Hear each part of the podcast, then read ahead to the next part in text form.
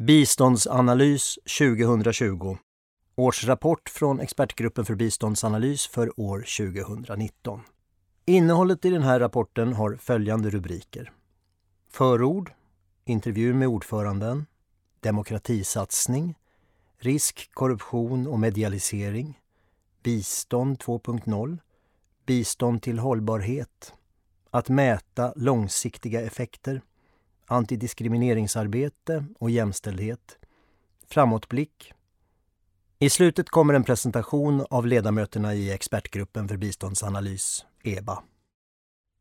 Förord Expertgruppen för biståndsanalys, EBA, är en statlig kommitté som oberoende utvärderar och analyserar Sveriges internationella bistånd. Vår årsrapport, Biståndsanalys, baserar sig på de studier som EBA har tagit fram under året. Den finns också tillgänglig i pappersform och digitalt.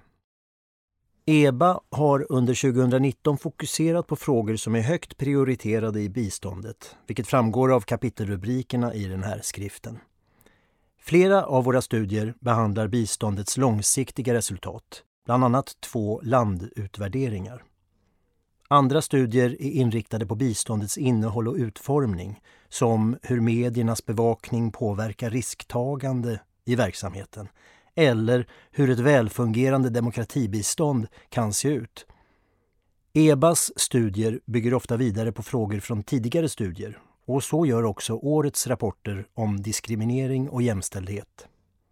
EBA har de senaste två åren deltagit i översynen av OECD-DACs normerande kriterier för god utvärdering. I december 2019 antogs justerade och förtydligade kriterier relevans, måluppfyllelse, kostnadseffektivitet, impact, bärkraft tillsammans med ett nytt sjätte kriterium, samstämmighet. Vårt samtal med biståndets aktörer har stärkts under året. Bland annat genom en ökad dialog med de svenska ambassaderna vilka hanterar en stor del av det svenska utvecklingssamarbetet och genom vårt arbete i internationella nätverk. Vi är också glada över att vår svenskspråkiga podcast om bistånd, EBA-podden, har fått lyssnare i över 50 länder. EBA vill genom våra studier och aktiviteter löpande bidra till ett faktabaserat fördjupat samtal om biståndets funktion och effekter för att det ska kunna utvecklas och förbättras. Och varmt välkomna att kontakta oss med synpunkter och idéer. Stockholm 31 mars 2020. Undertecknat av Helena Lindholm, ordförande, Johan Schar, vice ordförande, Kim Fors, Torgny Holmgren, Sara Johansson de Silva, Staffan I Lindberg, Magnus Lindell, Joakim Molander, Julia Schalk och Jannet Vähämäki, ledamöter. Intervju med EBAs ordförande. För EBAs del har 2019 varit ännu ett spännande år. Vi har stärkt vår ställning som ett viktigt analysorgan, säger ordförande Helena Lindholm. På frågan hur vet vi att EBA har stärkt sin ställning? svarar Helena Lindholm. Bland annat fick vi ett utökat anslag i budgeten. Det kan betraktas som ett kvitto på att vi anses relevanta. Vilken förändring i verksamheten har varit viktigast? Vi är mer strategiska i valet av inriktning på studier idag jämfört med tidigare. Vi har mer diskussion kring vilka områden som ska prioriteras. Vilka EBA-rapporter har väckt mest intresse under 2019? Det är svårt att säga. Rapporterna har en stor spridning vad gäller innehållet. Vissa är smalare än andra, men en av de studier vi producerade om Kambodja som använde sig av satellitdata och bilder av nattljus för att mäta effekter av bistånd uppmärksammades stort på vetenskapssidorna i Sveriges största dagstidning, vilket var roligt och innebar ett annorlunda genomslag. Annat som väckt intresse är landutvärderingarna av Kambodja respektive Bosnien-Hercegovina. Här kan vi också notera ett stort intresse bland relevanta aktörer i mottagarländerna. Jag vill också gärna nämna studierna om diskriminering och sociala trygghetssystem samt rapporten om migration och utveckling. Har du överraskats av någonting? Jag blev överraskad av hur väl man kunde använda sig av satellitdata för att bedöma fattigdomseffekter. Den utvärderingen i Kambodja byggde på en specifik metod som kallas Geospatial Impact Evaluation. Något annat som jag fann mycket intressant och som jag visste alldeles för lite om var resultaten i rapporten om stöd till fiskesektorn och de konsekvenser biståndet kan få i termer av överfiskning.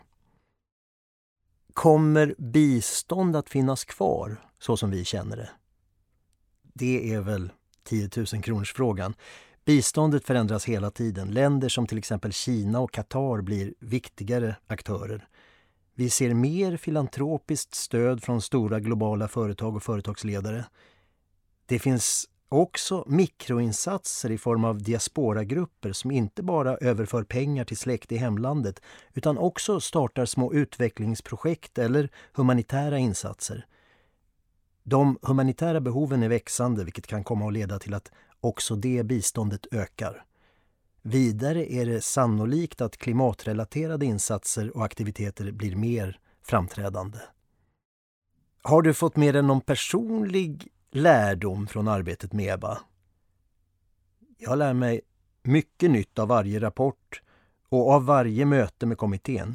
Det jag särskilt skulle vilja lyfta fram just från 2019 och för mig personligen är vikten av landutvärderingar, djuplodande och omfattande studier av långsiktiga effekter som visar på biståndets historik i ett land, vad det lett till, vilka förändringarna varit och vilka konsekvenserna blivit.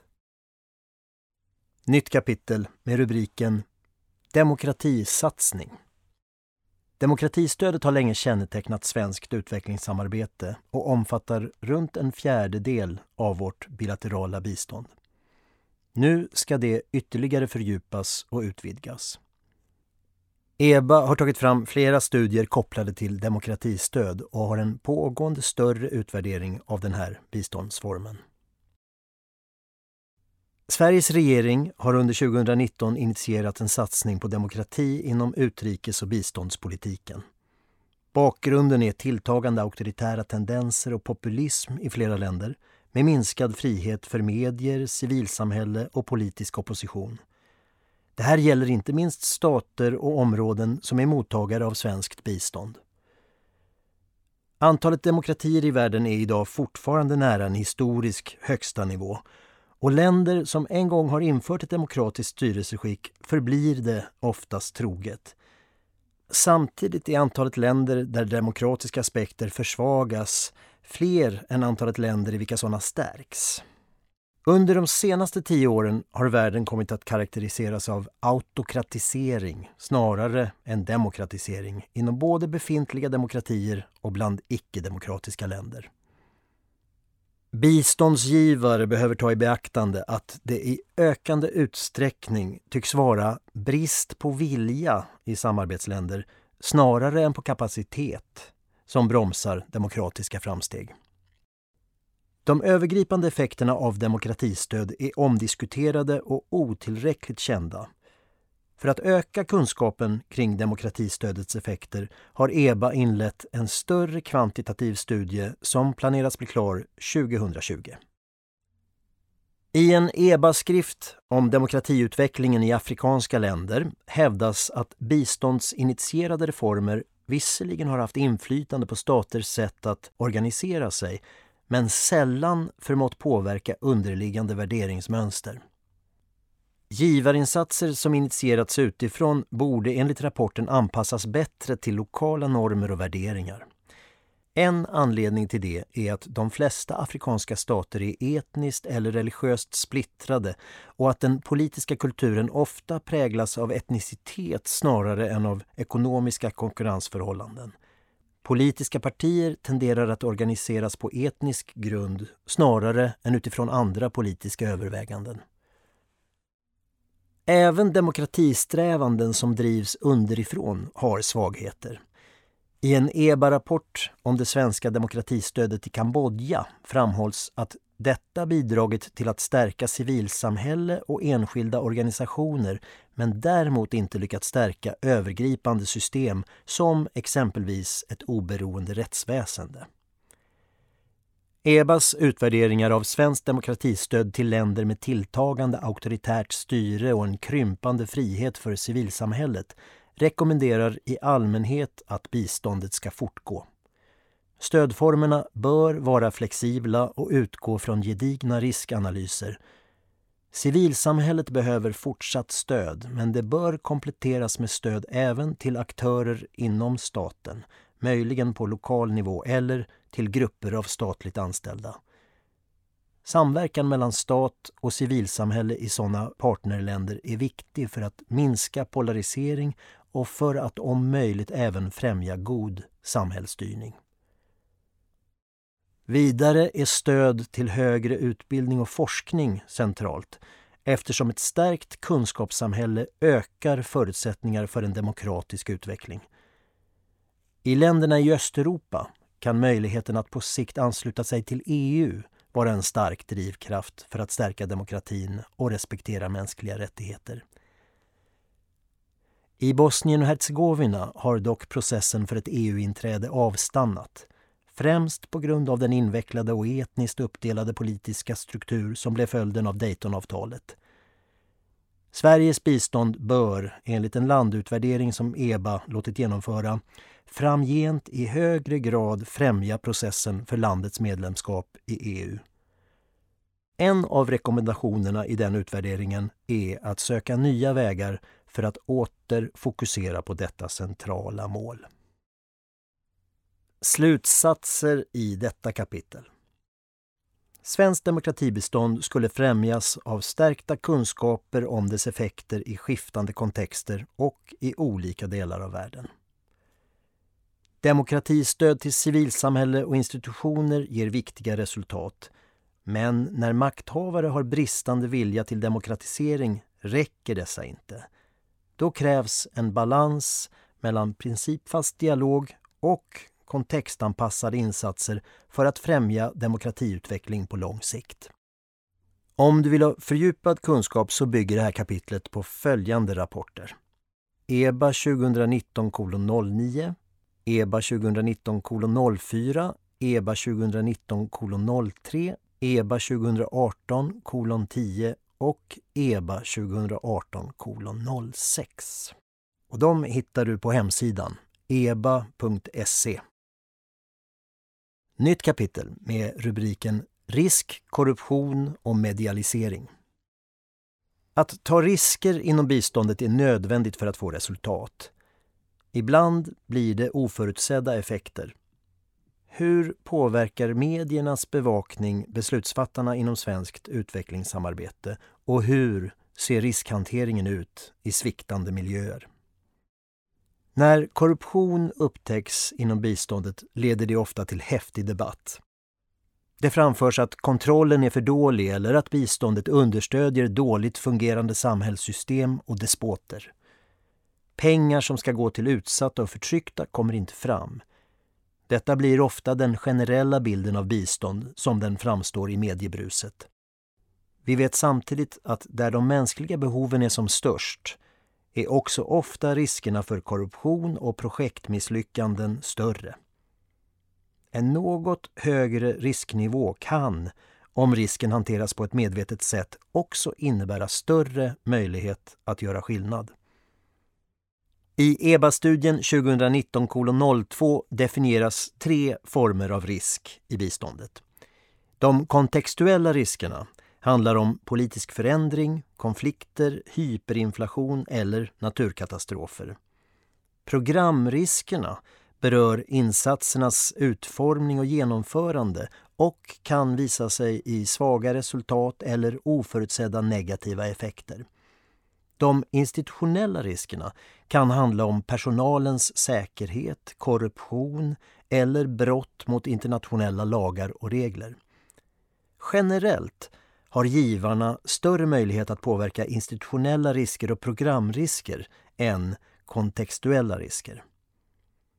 Vad som främst uppmärksammas i medier är också institutionella risker, främst korruption, men ibland också kontextuella risker som ett krympande demokratiskt utrymme i mottagarländer. Intresset är mindre för risken att insatser inte uppnår resultat eller måste ställas in oavsett hur stora konsekvenser detta har för de människor som skulle nåtts av biståndet. Rapportförfattarna konstaterar att givare som USA och Storbritannien har omfattande system för riskhantering vilket speglar det riskundvikande beslutsklimat som dessa givare verkar inom. I Sverige är riskhanteringen mindre formaliserad och uppvisar ett större förtroende för personal och partners vilket enligt studien kan öka biståndets flexibilitet och anpassningsbarhet. Under perioden som omfattas av den här rapporten, januari till oktober 2018, tycks det ha funnits ett beslutsklimat i svenskt bistånd som gynnat ett något större risktagande. Ökad flexibilitet och bedömningsutrymme har gjort att Sida kunnat verka i miljöer med stora kontextuella risker och tillåta en högre grad av programrisk. Samtidigt hävdar rapportförfattarna att Sida nått en gräns avseende institutionella risker. Tjänstemännen är ovilliga att både finansiellt och säkerhetsmässigt ta beslut som, om något går fel, skulle kunna utgöra ett hot mot myndighetens institutionella legitimitet.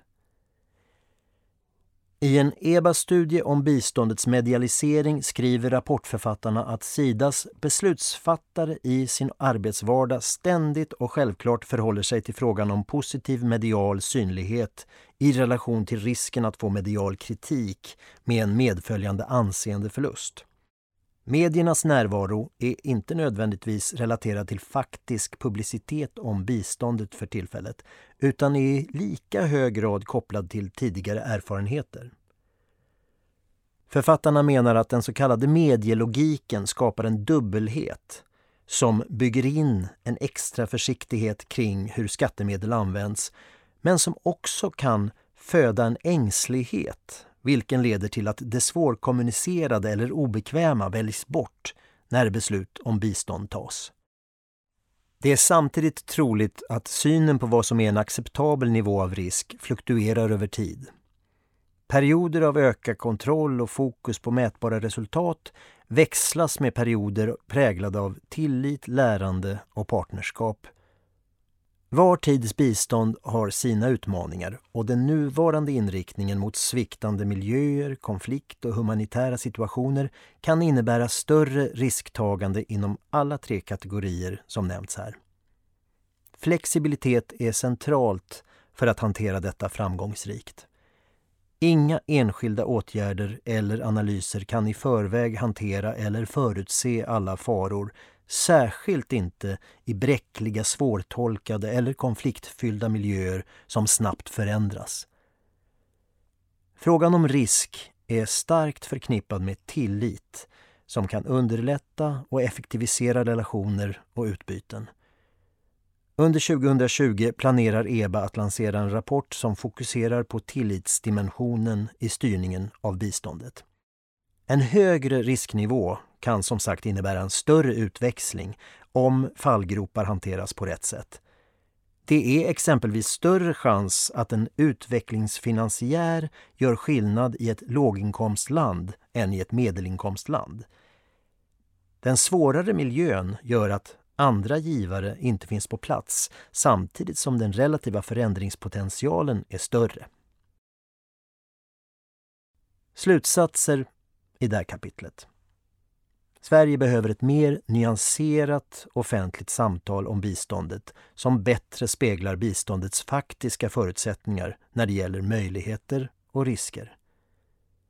Sida bör också fortsatt fokusera på transparent hantering av risker utan att underrapportera, acceptera korruption eller liknande. De rapporter det här kapitlet bygger på heter EBA 2019 02 EBA 2019 01, EBA DDB 2018 02 och EBA 2018 01. Nytt kapitel med rubriken Bistånd 2.0. Hur märks digitaliseringen i svenskt utvecklingssamarbete? Det så kallade ICT-biståndet är främst kopplat till demokratisering, yttrandefrihet och mänskliga rättigheter. EBA har uppmärksammat den nya tekniken och biståndet i två underlagsrapporter. Digitaliseringen påverkar människor över hela världen.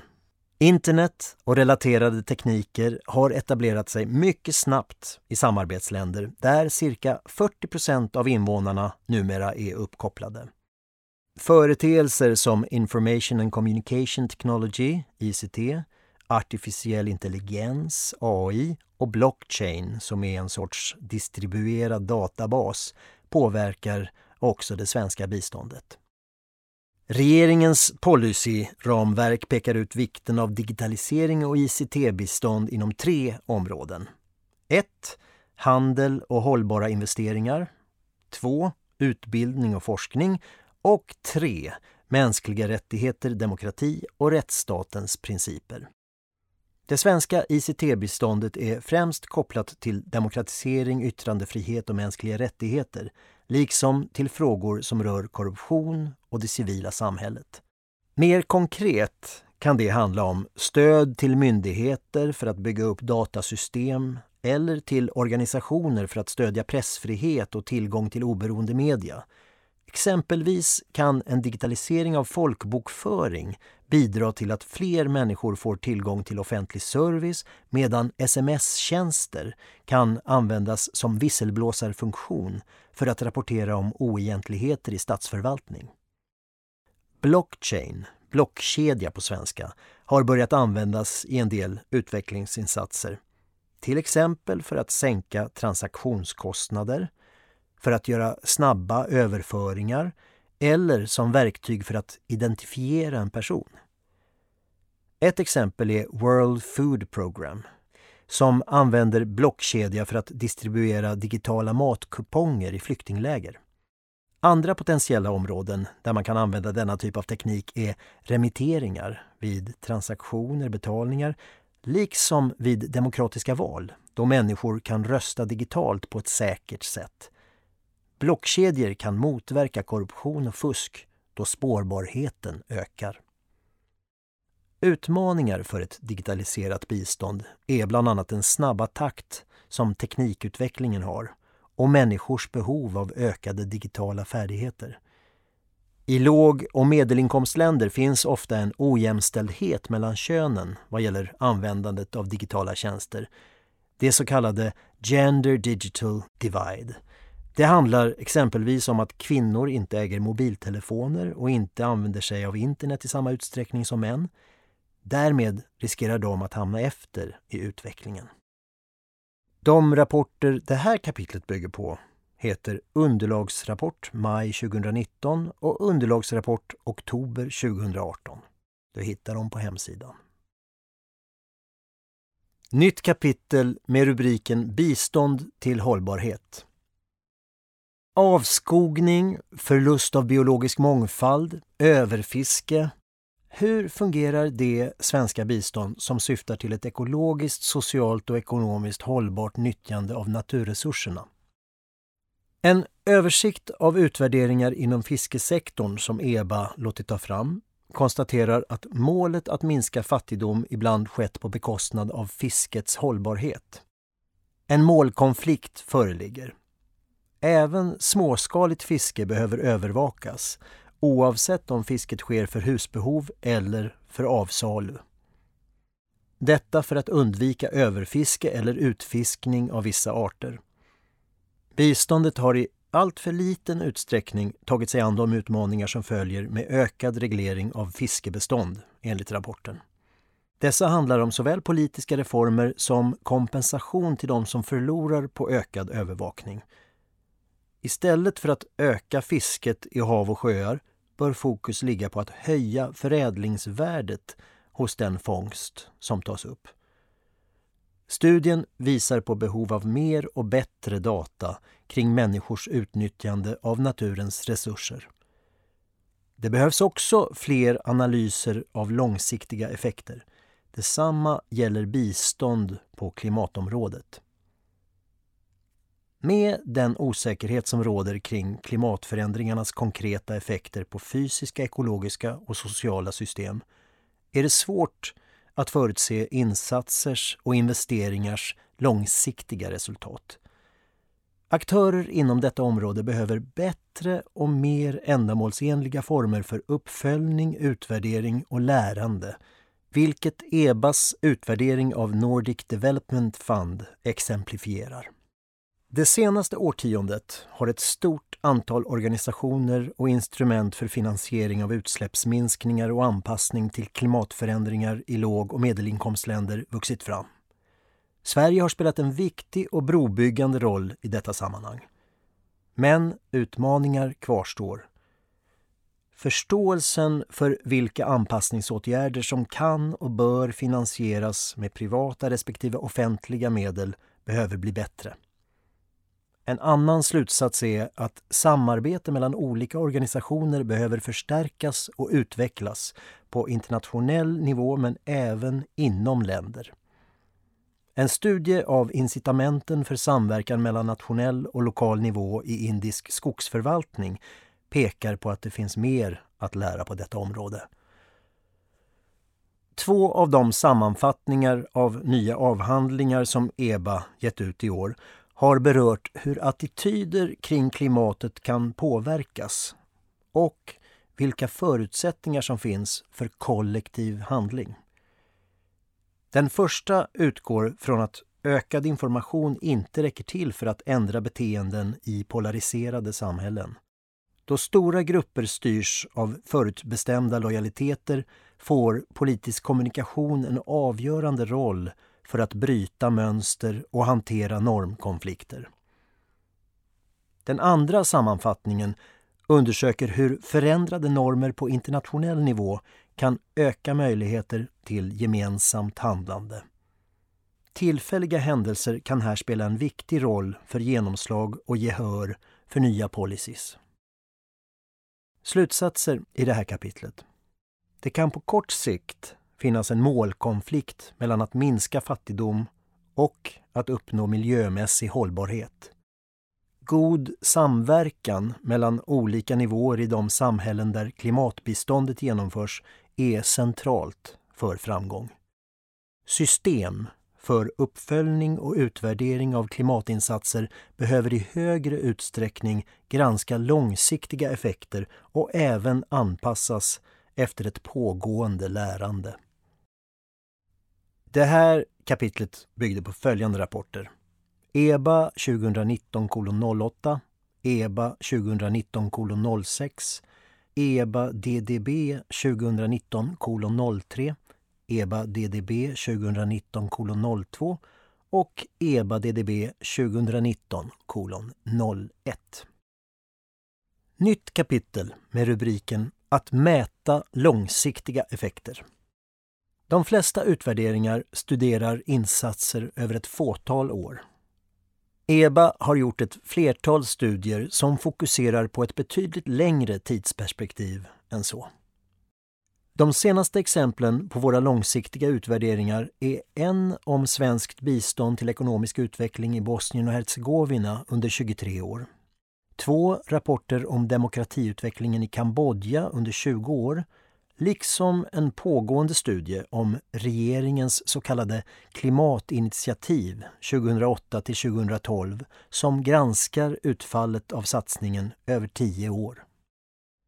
Även tidigare EBA-rapporter har studerat långa tidsspann som utvärderingen av fem decenniers utvecklingssamarbete med Tanzania, analyserna av Sveriges forskningssamarbeten sedan 70 respektive 90-talen och metautvärderingarna av utbildningsområdet inom biståndet. Dessa är något av pionjärarbeten då utvärderingar i allmänhet sällan undersöker perioder längre än fem år. Att ta ett större tidsgrepp än så ger åtskilliga fördelar. Eventuella effekter och sidoeffekter, positiva eller negativa, hinner uppenbara sig och utvecklas efterhand. Vidare skapar det förutsättningar för att se hur faktorer samverkar med varandra hur resultat och insatser förstärks eller försvagas över tid samt hur fenomen som path dependence, att organisationer av olika anledningar följer i sina gamla hjulspår, påverkar samarbetet. Utvärderingar med långa tidsperspektiv belyser också hur situationsspecifika förutsättningar påverkar resultat. Intressant nog framstår det som att omgivningen inte bara har en avgörande roll, den förändras också, ibland mycket snabbt. Detta ställer särskilda krav på metodologisk stringens. Den traditionella verktygslåda som står till utvärderares förfogande behöver utvecklas. Vi bör lära av vetenskaper som studerar långa tidsförlopp, som historia och sociologi. Vidare krävs ett klart tänkande kring hur orsak och verkan ska bedömas. EBA följer forskningsfronten inom utvärderingsfältet och har genom åren byggt upp erfarenheter att dela med andra. För oss har det inneburit lärande om hur upphandling av sådana långsiktigt syftande studier bäst görs. Om hur samverkan kan ske mellan forskare från olika discipliner liksom om hur arbete i referensgrupper bäst bedrivs. Vi har också dragit slutsatser om hur kommunikationen bör utformas då resultaten är mera komplexa och mångfacetterade än annars. EBA bidrar kontinuerligt till att finansiera metodstudier.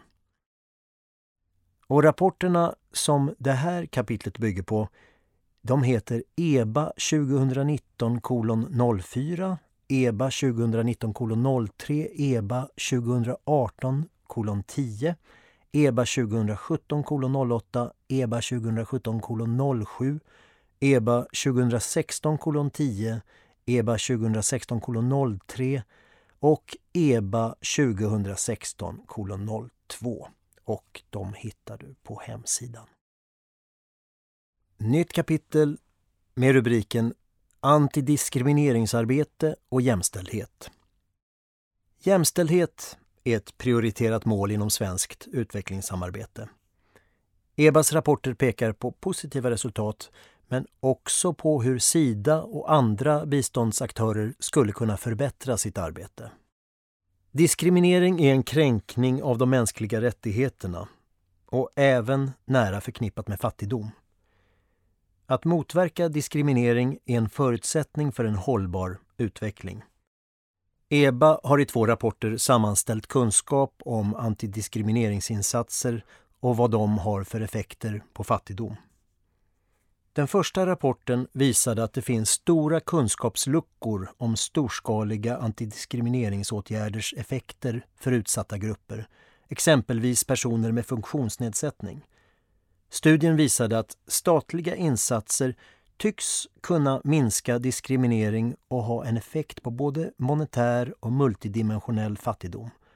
Främst genom olika arbetsmarknads och utbildningssatsningar samt genom extra resurser till utsatta grupper. Som en uppföljning publicerade EBA under 2019 en sammanställning av litteratur om insatser mot diskriminering genomförda av enskilda organisationer. Studien fokuserar på kunskap om insatser från civilsamhället för att stärka diskriminerade gruppers möjlighet att hävda sina rättigheter och öka regeringars ansvarstagande.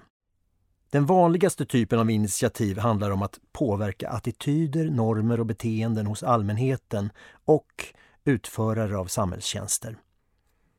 Enligt rapporten som studerar diskriminering baserat på kön, sexuell läggning och identitet, hiv-status och funktionsnedsättning nås bäst effekt genom att kombinera flera olika åtgärder och insatser.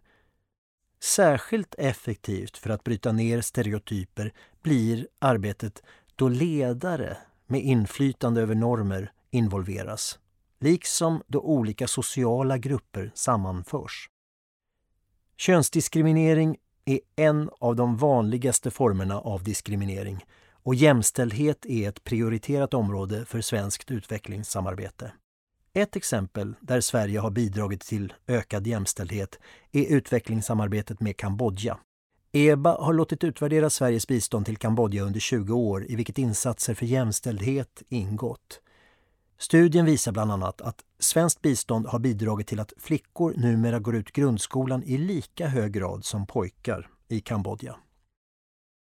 En annan av EBAs rapporter synliggör hur viktigt det är att analysera vad en utvecklingsinsats får för konsekvenser för maktrelationer mellan kvinnor och män.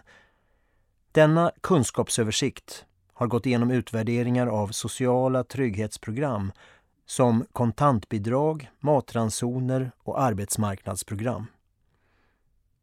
Översikten visar att vissa program för social trygghet har haft en positiv inverkan på jämställdhet genom att stärka kvinnor ekonomiskt. Samtidigt resonerar författarna kring huruvida program som är riktade till kvinnor som omsorgsgivare riskerar att bidra till ökad oavlönad arbetsbörda för dem. Inget av de program som omfattas av studien har försökt omfördela omsorgsarbetet till män. Författarna föreslår att man vid utformningen av biståndsprogram ska inkludera en grundlig genusanalys för att se hur ett program kan komma att påverka beslutsfattande, kontroll över resurser samt obetalt arbete i hushållet. De argumenterar för att detta kunde göra programmen mer effektiva, både vad gäller minskad fattigdom och ökad jämställdhet. Sida genomförde år 2016 till 2018 en plan för jämställdhetsintegrering med främsta syfte att stärka detta perspektiv i myndighetens arbete. Genom så kallad följeforskning, forskning som bedrivs under pågående process, gjorde EBA under samma tid en utvärdering av Sidas jämställdhetsintegrering. Den rapporten visar att jämställdhetsarbetet är viktigt för hur Sida uppfattas av såväl medarbetare som partnerorganisationer. Samtidigt är arbetet beroende av enskilda individers engagemang och kompetens eftersom myndigheten ställer få formella krav på de anställda kopplade till jämställdhetsintegrering. I kombination med Sidas decentraliserade struktur har detta resulterat i ett ojämnt genomförande avseende innehåll och ambitionsnivå. Forskarna bakom EBA-studien rekommenderar bland annat att kraven på Sidas medarbetare tydliggörs. De föreslår mer kompetensutveckling i form av utbildning i jämställdhetsfrågor och jämställdhetsanalys samt att stödfunktioner stärks. Slutsatser Insatser mot diskriminering kan bidra till både reducerad fattigdom och minskad diskriminering. En grundlig jämställdhetsanalys vid utformningen av program för fattigdomsbekämpning kan minska risken att förstärka könsroller eller öka kvinnors obetalda arbete. Jämställdhet är högt prioriterat på Sida. Det behövs en tydlighet i vilka krav som ställs på de anställda i arbetet med jämställdhet för att nå ännu bättre resultat. Och de rapporter som det här kapitlet byggde på heter EBA 2019 07, EBA 2019 05, EBA 2019 03, EBA 2018 07 och EBA 2017 02. Nytt kapitel med rubriken Framåtblick. EBAs roll är inte att försvara biståndet men ibland kanske att förklara detta komplexa område. Internationellt beskrivs Sverige ofta som ett ambitiöst och inflytelserikt givarland, en humanitär stormakt.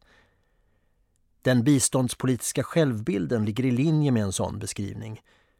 Ett uttryck för de svenska ambitionerna inom det internationella biståndet är det så kallade enprocentsmålet.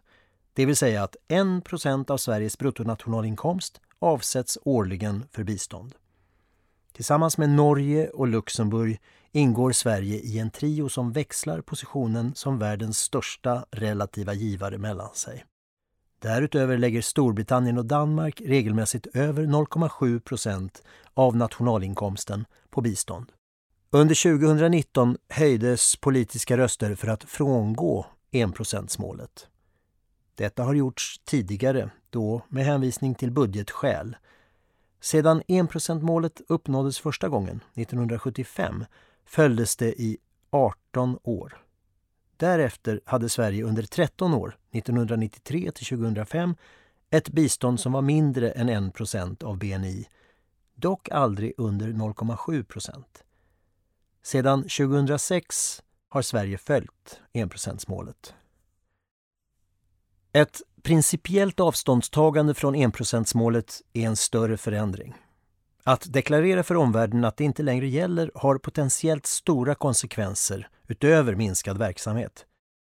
Även om EBA kan se flera möjliga vägar att fastställa biståndets omfattning bör en sådan reform föregås av en rigorös utvärdering av möjliga effekter utifrån frågeställningar om vad som bör prioriteras, vilka effekter detta får i samarbetsländer och hur det påverkar Sveriges utrikespolitiska status, roll och röst. Ofta framhålls att den svenska allmänhetens stöd för bistånd är exceptionellt starkt i en internationell jämförelse. EU genomför regelbundet opinionsundersökningar om medborgarnas uppfattning om bistånd. Man frågar exempelvis hur viktigt det är att hjälpa människor i fattigare länder och huruvida biståndet från EU eller de enskilda medlemsländerna borde öka. Intressant nog ligger Sverige i den senaste undersökningen, juni 2019, inte högst upp i någon av frågorna utan intar ofta en mittposition bland de 28 medlemsländerna. Den allmänna opinionen påverkas av medias rapporteringar och den politiska debatten. I de undersökningar som görs av Sida visar sig den svenska allmänhetens engagemang för biståndet vara stort men kunskaperna mer begränsade. Bilden av biståndet riskerar då att formas av skandaler och enskilda händelser som uppmärksammas i media. Samtidigt anger en majoritet av svenskarna att de vill lära sig mer om biståndet.